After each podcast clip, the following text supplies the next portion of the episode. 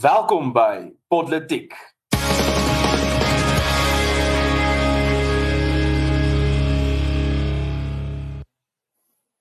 Ja, my naam is Paul Maritz en saam in die ateljee is Daniel Elof en Frederik van Duyk. En uh natuurlik uh kom ons na jou toe op 'n vakansiedag. Uh Nederland se Koningsdag, maar in Suid-Afrika is dit Vryheidsdag. Ons wil hierdie tema vandag so 'n bietjie bespreek. So ons uh ons temas is Musk se Twitter koop en Vryheidsdag onder stetoskoop. En nou ja, Kerels, kom ons op ons hierdie week se se politiek en ons kyk so 'n bietjie na hierdie temas. Daniel, uh jy's 'n jy's 'n groot Twitteraar. Miskien kan jy vir ons wegspring met jou mening oor uh, oor ou Elon se groot koop. Ja, ek ek bedoel dit is waarskynlik die grootste nuus op sosiale media die afgelope week is ehm um, aanvanklik was dit so tipe van 'n 'n situasie van gaan dit gebeur, gaan dit nie gebeur nie en toe dit nou uiteindelik so half uit die blou gebeur. En ehm um, nou is die wêreld goed uh, tot 'n einde. Verstaan hierdie hierdie is basies die die dele in Openbaring waarvan die Bybel praat. Ek bedoel Twitter gaan verkoop word en die die hierdie verskriklike kapitalis gaan die plek besit en jy weet die ou wat batterye en ruimtetye maak uh gaan gaan die wêreld vernietig en hier sit ons en en die vernietiging van die wêreld lyk daarom nie so sleg soos wat mense voorspel het nie. Ehm um, gisteraand toe vra 'n vriend van my maar wat, wat dink ek nou van die hele situasie? Toe sê ek vir hom om eerlik te wees, weet ek nie regtig wat gaan vreeslik verander nie. Uh, ek ek begin nie regtig so baie omdat Musk dit gekoop het nie. Ek is nie aan die kant noodwendig wat sê alles gaan soveel beter wees nou dat hy die die eienaar is van van Twitter nie. Ehm um, en ek aan die ander kant dink ek ook nie dit gaan die einde van die wêreld wees soos wat baie mense dink nie. Maar ek is wel hierso met my springmielies om te sien hoe almal absoluut net 'n meltdown het oor die feit dat Elon nou vir Twitter besit. Nou daar kom net bietjie konteks te gee vir die mense wat net eenvoudig nie belangstel nie en nie weet wat aangaan nie.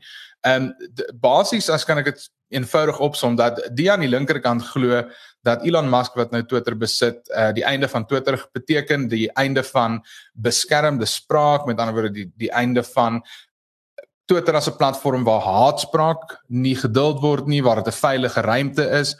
Uh so dit dis wat aan die linkerkant van die politieke spektrum gebeur. En aan die regterkant van die politieke spektrum glo almal dat nou is die onderdrukking van regse idees ehm um, daarom nou gaan nou nie meer plaasvind op Twitter nie.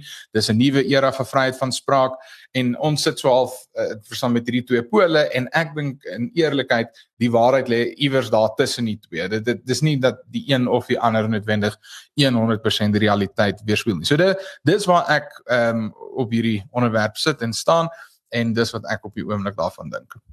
Also dankie Daniel. Ek ek wil graag eh, so 'n bietjie net kyk na 'n paar dinge. Ek sou dink dat in in die, in die weste het ons het ons tradisioneel 3 ek moet 'n bietjie politieke filosofie inbring. Dis ons dit is immer 'n 'n Vryheidsdag episode en histories is hulle so 'n bietjie so 'n bietjie diep duik. So, ehm um, histories kan ons sê in die moderniteit is daar is daar dalk twee belangrike idees en dis vryheid en gelykheid. En ek ek dink wat ons in 'n sekere sin hierso sien is dat Elon Musk so bietjie terugbeweeg na die idee van vryheid toe. En vryheid kom in 'n klomp vorms en ek dink ons gaan vandag baie praat oor die idee van vryheid waar absolute gelykheid sou iets beteken soos maar ehm um, jy ek en jy is presies gelyk in die sin dat ons kan jy weet self besluit ehm um, watter jy weet watter geslag ons as identifiseer al bestaan dit nie noodwendig uh, in die algemene sin van die woord nie ons kan self besluit uh, oor absoluut alles van ons individues ons het hierdie absolute autonomie. Uh, ek, ek sou dink binne in die in die Christelike tradisie wat deel wat ouer is en binne in die antieke westerse tradisie het ons ook die idee van wat is goed en wat is sleg. Uh, so die, ek ek dink die rede hoekom ek dit sê is uh, ek stem 100% met jou saam. Ons moenie dink Elon Musk is die absolute antwoord hierop nie. Uh hy gaan dinge dalk 'n bietjie terugtrek na vryheid toe binne in die moderniteit wat ek nou nou, nou genoem het. Kom ons sê sedert dalk miskien René Descartes se metode en 'n wegbreek van 'n soort van 'n uh, absoluut net 'n Bybelse kyk na kennis. En sedert dit miskien die laaste 400 500 jaar gebeur het, het ons natuurlik hierdie idee dat ehm um, die hierdie twee waardes gedurig binne in samelewings met mekaar uh bots. So tipies in 'n hiper uh, sosialistiese bestel het jy ietsie soos absolute gelykheid of ten minste buiten vir die party word mense almal gelykarm gedruk of gelykarm gemaak of ge, ten minste gelyk gestel. 'n uh, Sosialistiese bestel fokus miskien ook meer op gelykheid uh, en dan het jy hierdie skale waar miskien Reagan en Thatcher uh bekend sal staan as hierdie mense wat regtig Hayek se werk oor vryheid ernstig gevat het. Hoekom sê ek dit? want um, ek dink dis presies die gesprek wat op hierdie stadium in die weste aan die gang is en dis ontsettend belangrik. Wat vir my belangrik is as ons teruggaan na Twitter toe is um, Elon Musk en en Jack Doherty of ek dink is sy van wat wat um, Twitter begin het het het nou so pas rukkie Dorsey, skus. Jack Doherty is 'n rocker dink ek, nee, ek is 'n bietjie verwar. Jack Dorsey het ietsie getweet, um, wat hy spesifiek sê dat ehm um, niemand behoort eintlik Twitter te besit nie, maar as iemand Twitter gaan besit, dink ek dit moet Elon Musk wees wat regtig glo in hierdie idee dat die bewustheid van die mens moet toeneem. So, ehm um, hier sien ons alreeds dat Twitter dalk 'n bietjie mag terugbeweeg na wat aanvanklik die doel was in die vroeg 2000s. Miskien kom ons sê 2006, 7, 8, 9 was dit regtig 'n plek waar jy vryheid kon gehad het en um, na mate hierdie absolute idee van gelykheid uh toenemend op ons begin sin speel het, hoe meer van hierdie dinge is gesien as uh jy weet geweld teenoor mense, geweld met woorde uh en en so meer. So dit mag wees dat daar 'n bietjie meer vryheid van spraak is. Ek stem met jou saam. Wat ons tog moet onthou is daar gaan altyd beperkings wees op mense wat geweld uitroep. Daar gaan altyd geweld wees op mense wat pornografie versprei en so aan. So dis nie asof dit net ewe skielik hierdie free for all is nie. Ek vermoed ook ons kan in die volgende paar maande verwag dat daar baie meer valse rekeninge gaan wees en kunsmatige rekeninge gaan wees. Um omdat daar in 'n mate hierdie verandering van bestuur is en ek dink Elon Musk gaan daarop moet reageer. Hy sê dat elke liewe mens op Twitter geverifieer gaan wees uh, dat ons weet dat daar nie die robotte gaan wees nie en hoe hy dit gaan regkry, jy weet dit gaan baie moeilik wees. Ehm um, maar so ek dink is interessante tye vir Twitter en natuurlik is dit lekker om te hoop dat uh rekeninge soos the Babylon Bee en dan miskien ook die Oranje man dalk weer hulle menings kan lig want ek sou dink dat 'n moeilike idee eerder oorwin moet word as wat hy stil gemaak moet word. Die stories van 'n idee stil gemaak word, het dit opgeborrel en uiteindelik uitgeloop in verskriklike geweld en vernietiging. Wel as Al-Qaeda 'n Twitter rekening kan hê, is ek seker Babylon B en Urania man kan. Ja, ehm um, ek ek het nogal gedink ek het die hele vryheid van spraak debat wat nou na vore geborrel het met hierdie Twitter oorkoop. Ehm um, ek ek vind die debat so iets wat vlak in baie opsigte. Uh ek dink nie daar word genoeg aandag gegee aan die kwessie van toegang tot vryheid van spraak. So dis maklik om te ek dink as ons dink oor vryheid van spraak dan dink ons altyd aan die moeilike situasies. Die die die waar jy iets verskrikliks uiter. Jy weet, het sy dit iets is wat te doen het met haatspraak of die fundamentele ervaring van iemand bevraagteken, jy weet soos gender en sulke tipe goed. Ehm um, in in in baie min gaan dit wendig oor die formaat waarin spraak aangebied word en ook die soort platform waarop spraak aangebied word. Want as jy daaraan dink, dan is daar geweldig baie beperkings op vryheid van spraak as jy die toegangsaspek ook um inreken. Jy weet as ek byvoorbeeld nou 'n artikel skryf vir Netwerk 24 of Marula of of vir Werkblad of ook al, daar gaan altyd 'n redakteur wees wat tussen my en en die publikasie daarvan is en bepaalde uh waardeoordele gaan vel en gaan op die einde die bepaler wees van of my vryheid van spraak werklik tot sy reg kom of dan nou nie.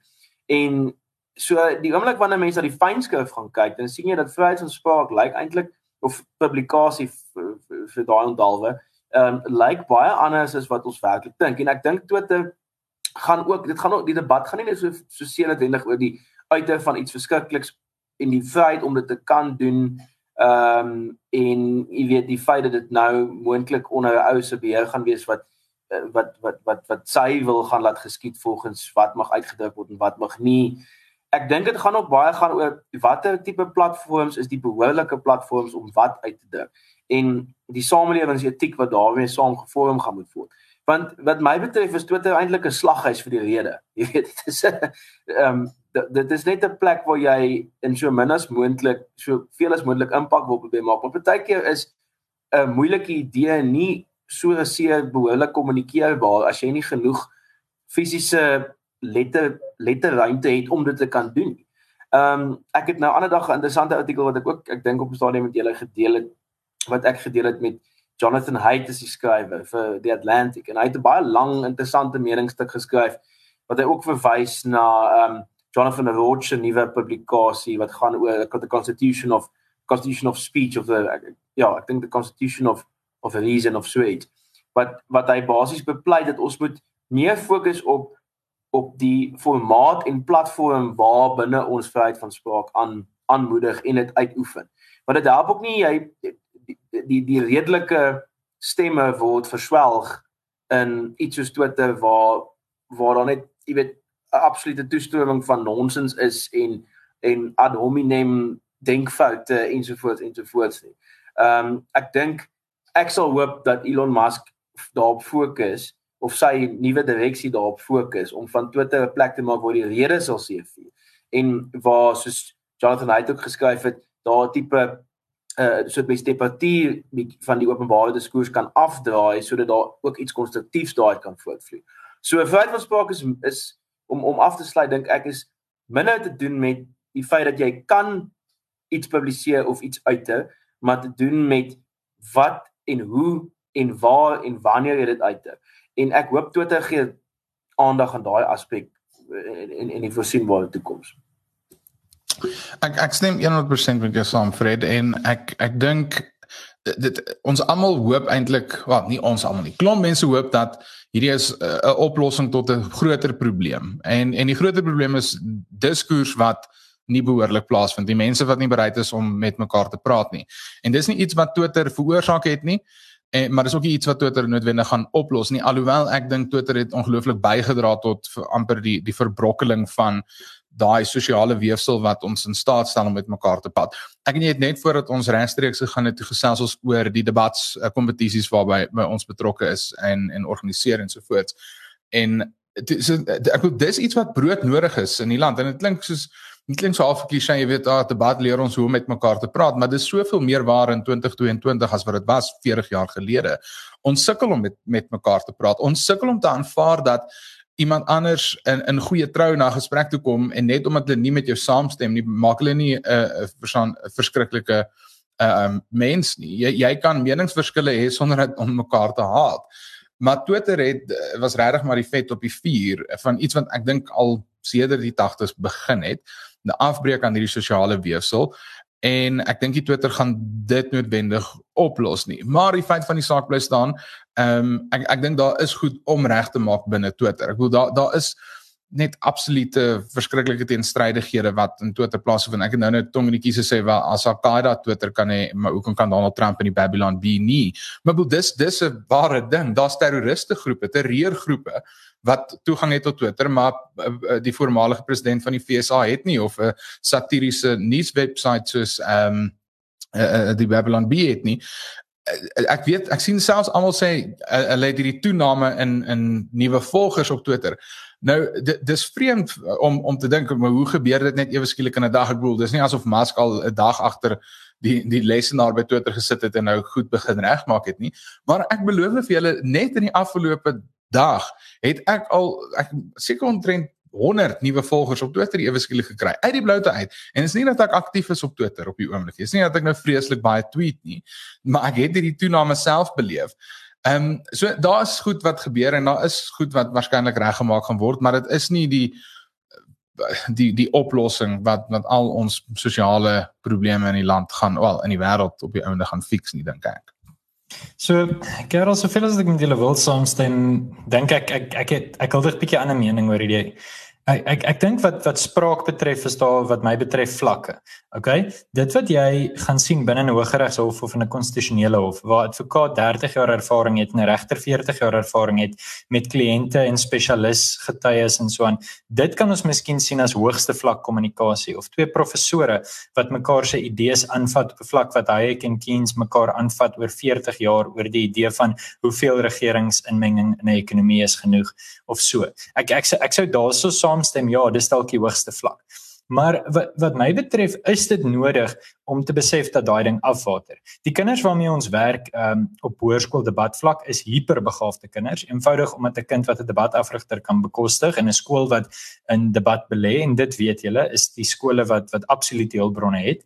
So dit alreeds is op 'n baie hoër vlak. As enige van ons graad 9 kinders 'n Twitter rekening gaan hê, gaan hy al klaar klomp foute uitwys. Dis waar. Maar ek ek dink tog En en ek ek is versigtig om te sê dat Twitter so negatief. So ek ek ek verstaan hoe dit ook bedoel kan word en hoe dit oor kan gaan. Ek natuurlik is daar verskriklike slegte goed op Twitter, maar ek dink die hele idee daarvan is dat hierdie lae jy weet kommunikasie wat eintlik lelik is en waar mense mekaar eintlik in 'n sekere sin ehm um, wil ek sê uithaal en so aan en en baie persoonlik Frederik jy praat van ad hominem uh, denkfoute. Ek stem saam dat dit goed gebeur, maar ek dink die hele punt van Twitter is hierdie goed moet daar oorwin word. Natuurlik moet daar nie eksplisiete haat wees nie. Ehm um, maar ek is ek is versigtig om Ek is versigtig om te krities te wees daarvan want ek dink dit is hoe gesprek begin en dan dink ek van daar af as iemand regtig ontsettend 'n slegte idee het, gaan hy op Twitter oorwin word. Al kan iemand hom nie noodwendig in 140 karakters oorwin nie, dink ek hulle sal vir my skakel stuur na artikel toe. En van daar af sal dit uitloop op hoër vlak argumente. Ek dink byvoorbeeld as mens op 'n punt kom waar ehm um, jy weet Jordan Peterson en Stephen Fry 'n aanlyn debat het of nie 'n aanlyn debat nie, maar 'n groot uh, arena het wat luister oor spraakvryheid. Um en dit word dan uitgesaai, dan jy weet kan 'n mens daai stukkies gebruik om ook jou jou punt te maak. So ek ek, ek dink daar is 'n behoefte. So kom ek dit so ek ek moet my eie woorde so bietjie nog nog filter in terme van wat presies die punt is wat ek nou wil maak hier. So maar ek dink daar is definitief 'n plek vir daai wat mens regtig kan noem die die modder van gesprekke. Ehm um, daai regtig ondeurdagte punte. En Twitter is daai plek. So ongemaklik as wat dit baie keer is. As mens vrede daarmee maak, Twitter is nie die regte lewe nie. En as jy vrede daarmee maak, jy weet, jy gaan moet haar op jou tande hê as jy dit gaan maak en jy gaan goed genoem word eers langs die pad. Maar dit is 'n manier hoe slegte idees regtig uit kan kom. Die risiko as dit nie gebeur nie. Um ek hou nie daarvan dat jy sê nie en losie die hele tyd, jy weet, kappe vat na die Afrikaners toe nie. Dis nie vir my lekker nie. Maar dit is tog 'n baie aktiewe manier wat ek kan weet wat hy dink en wat ek my eie leeswerk kan aanpas. Ehm um, en eerder dit as wat ek glad nie geweet het wat aangaan binne hulle kongresse nie. Ek ek dink nie noodwendig ek verskil soveel van julle nie as wat ek net 'n ander nuance het of miskien verstaan ek julle verkeerd, maar ja, ehm um, ek nou lank gepraat, ek hoop ek het sin gemaak. Ja, Paulus, ek ek hoor wat jy sê. Ek wil dit dit gaan oor die ding dat uh, in in in antieke Griekeland het hulle die agora gehad, die die byeenkomsplek ehm um, binne die die Griekse demokrasie. Dit is die plek waar mense gepraat het en en waar debat gevoer is. En op 'n manier het Twitter eintlik in ons moderne wêreld daai agora funksie vervul. Verstaan dit is dit is jy gaan na Twitter toe om met mense te stry of jy gaan na Twitter toe om meningsverskille te hê op 'n manier.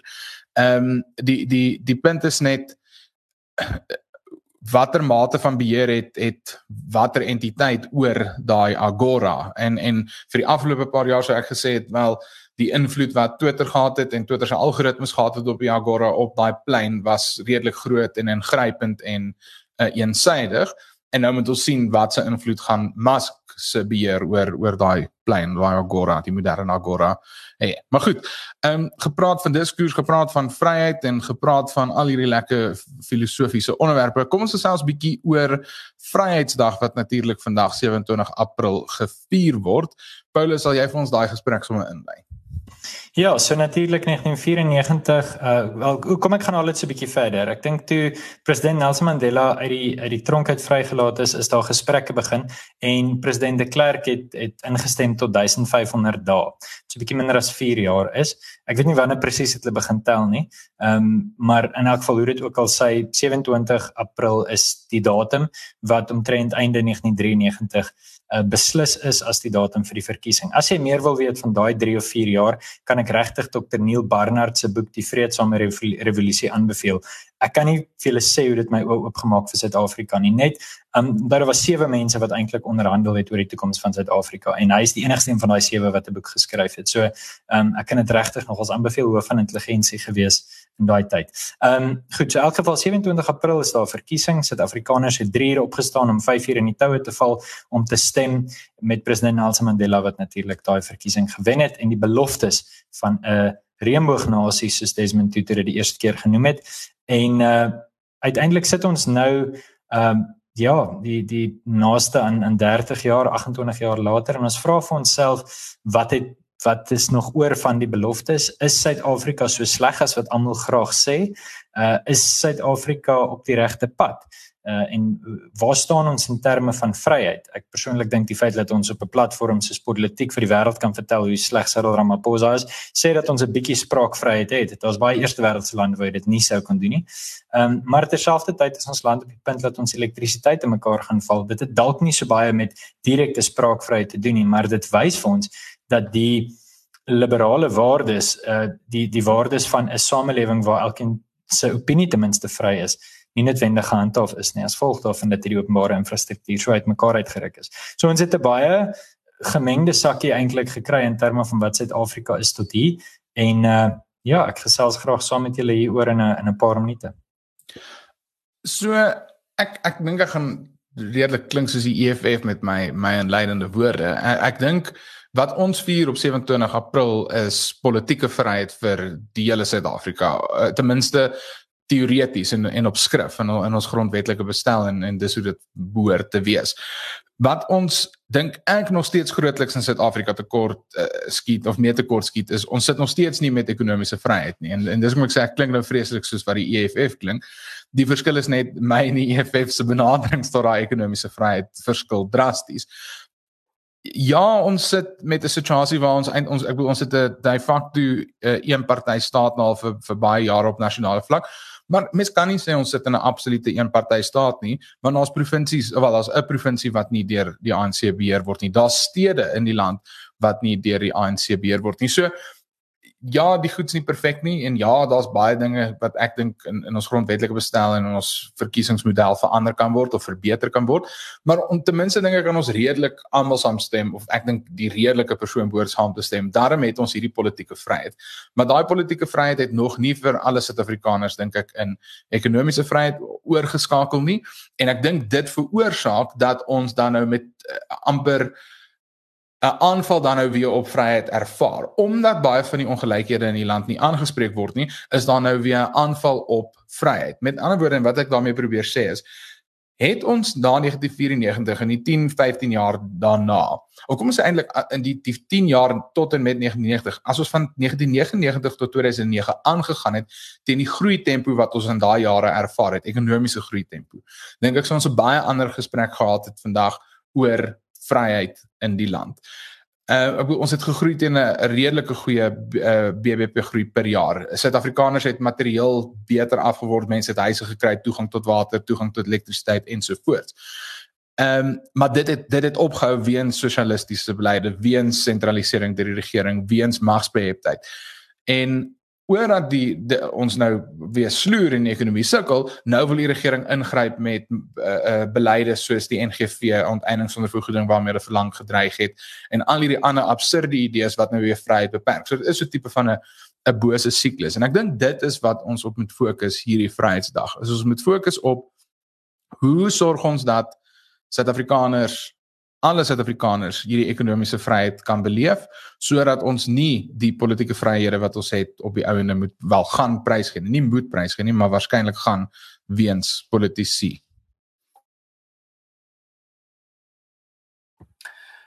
Ehm um, ja, ek dink ek dink as mens nou dit sal ons ons kan maar gerus van nou af 'n jaarlikse vryheidsdag diagnose doen met ons stetoskoop.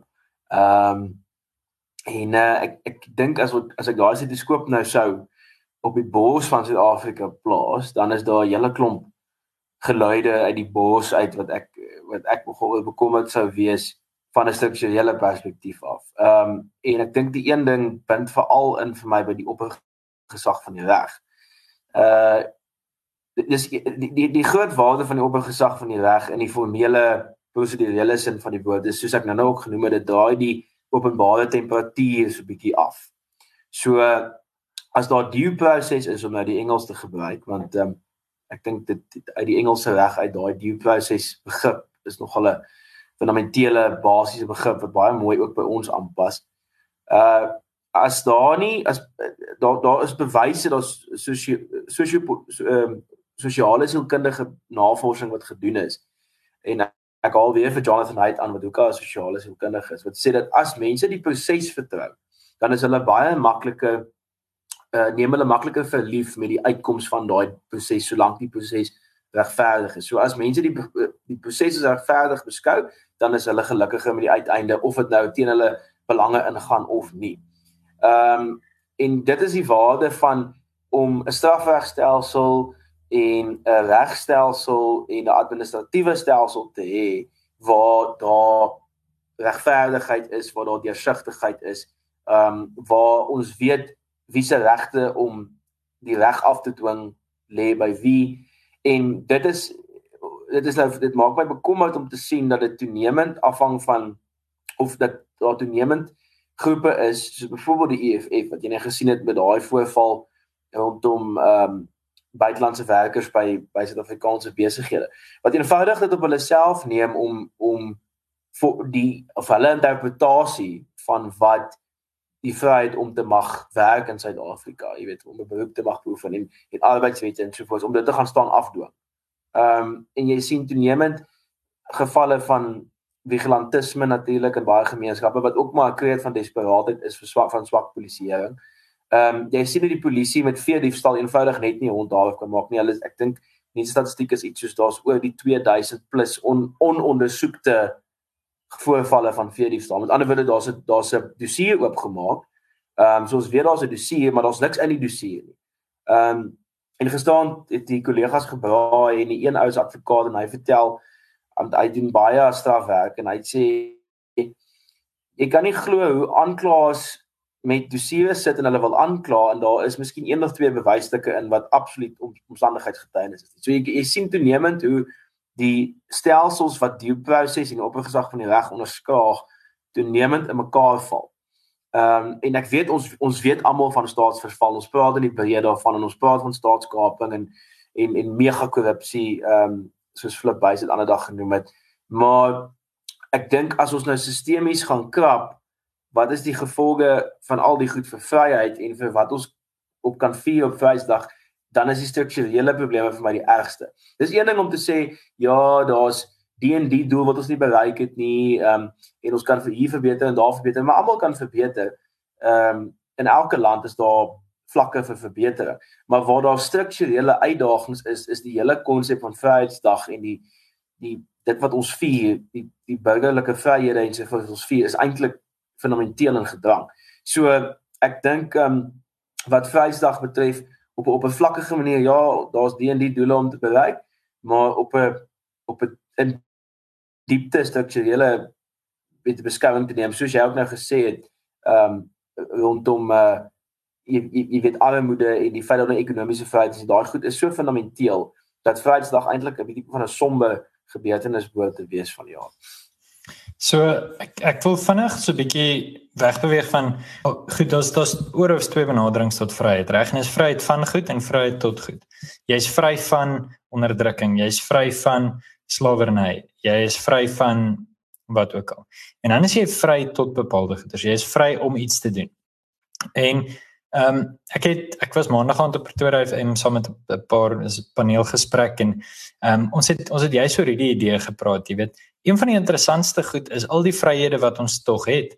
Ek dink artikel 235 is veel besproke en baie mense sien Orania maar ook verskeie ander strukture in daai lig. Om te sê maar jy het grondwetlike vryheid, jy weet as jy in daai opsig jou eie kanton wil skep.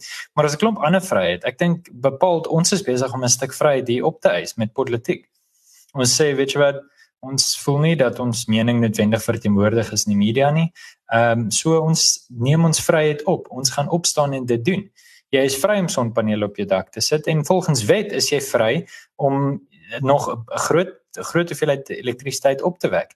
Jy's vry om 'n wapen te besit, jy's vry om jouself te beskerm en jy's jy's vry om 'n klomp goed te doen. Ek dink baie keer is ons geneig om vas te kyk en natuurlik die regering probeer konstant daai vryheid verminder want dit maak dit vir hulle makliker om ons te regeer. Dit is makliker om 'n klomp skape te regeer as om 'n klomp bokke te regeer. Dis 'n eenvoudige enige boer weet dit. So natuurlik gaan die regering jou konstant probeer inperk. Eh, ek het ek het 'n klomp teorieë oor wat dat die regering eintlik inherënt vyandig is teenoor mense en ek dink Thomas Hobbes bevestig dit. Maar ehm um, uiteindelik het ons het ons 'n klomp vryheid en ek dink die belangrikste ding vir Suid-Afrikaners is eis daai vryheid op. Jy het 'n klomp vryhede wat jy vir jouself mag vat. Jy kan gaan dien op jou skool se beheerliggaam. Jy kan gaan dien op jou kerkraad. Jy kan gaan dien op jou Afriforum tak of jou buurtwag. Jy kan um, 'n um, organisasie stig of 'n organisasie ondersteun wat jou belange um, op die hart dra.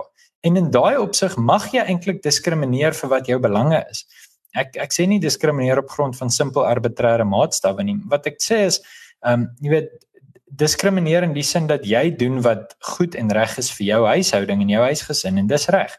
Ehm um, en dit mag jy doen deur bepaalde vryhede op te eis.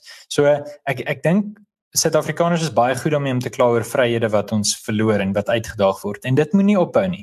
Ons moet aanhou om daai sake in die in die hof ehm um, te beklei. Daniel sê wat julle doen, Frederik sê wat julle doen, almal wat wat daarmee betrokke is. Maar ek dink ons moet ook besef dat dit is nie net vryheid van die regering nie, dis ook vryheid tot die herstigting van 'n orde stel. En as die orde verval, is dit eintlik meer ruimte as ooit om orde daar te stel. Uh, jy kan saam met jou buurman braai en met hom praat oor hoe jy julle gemeenskap gaan beveilig. Jy kan ehm um, soos ek gesê het aansluit by die organisasies. Jy kan regstreeks op Facebook uitsaai en vir die wêreld vertel wat jou mening is. En as mense met jou saamstem, dan gaan duisende mense vir jou luister as jy nonsens praat, dan het jy ten minste nog steeds jou vryheid opgeëis.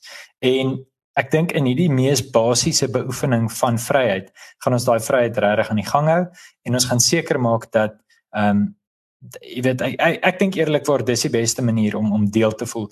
Dis nie net ek nie. Ek dink Edmund Burke en, de, en Alexie de Tocqueville het miskien die meeste hieroor geskryf beide van hulle ehm um, so in die 50 jaar na die Franse revolusie, maar hierdie klein stukkie in jou gemeenskap waar jy betrokke kan wees. Dis waar demokrasie regtig tot sy reg kom. Nie om in die parlement te dien en 'n woonstel in die Kaap te kry nie. Dit dit is 'n duurver uitloper op op wat die ideaal van demokrasie is. Jy kan betrokke wees en jy kan die wêreld anders maak en en in wese het jy daai vryheid. Dis nie nie dit nie vat nie dan um, jy weet kan jy eintlik net jouself blameer. Hier is ek dink ek stem saam met Frederik hier is een van daai goed wat ons eintlik vir 2 ure lank kan bespreek want ek wil nou nog verder reageer op wat jy gesê het Paulus maar ons is aan die einde van ons halfuur so ons gaan maar afsluit maar ek dink ons moet dalk eers so 'n tipe bietjie langer gesprek in 'n geval reël om oor vryheid te gesels.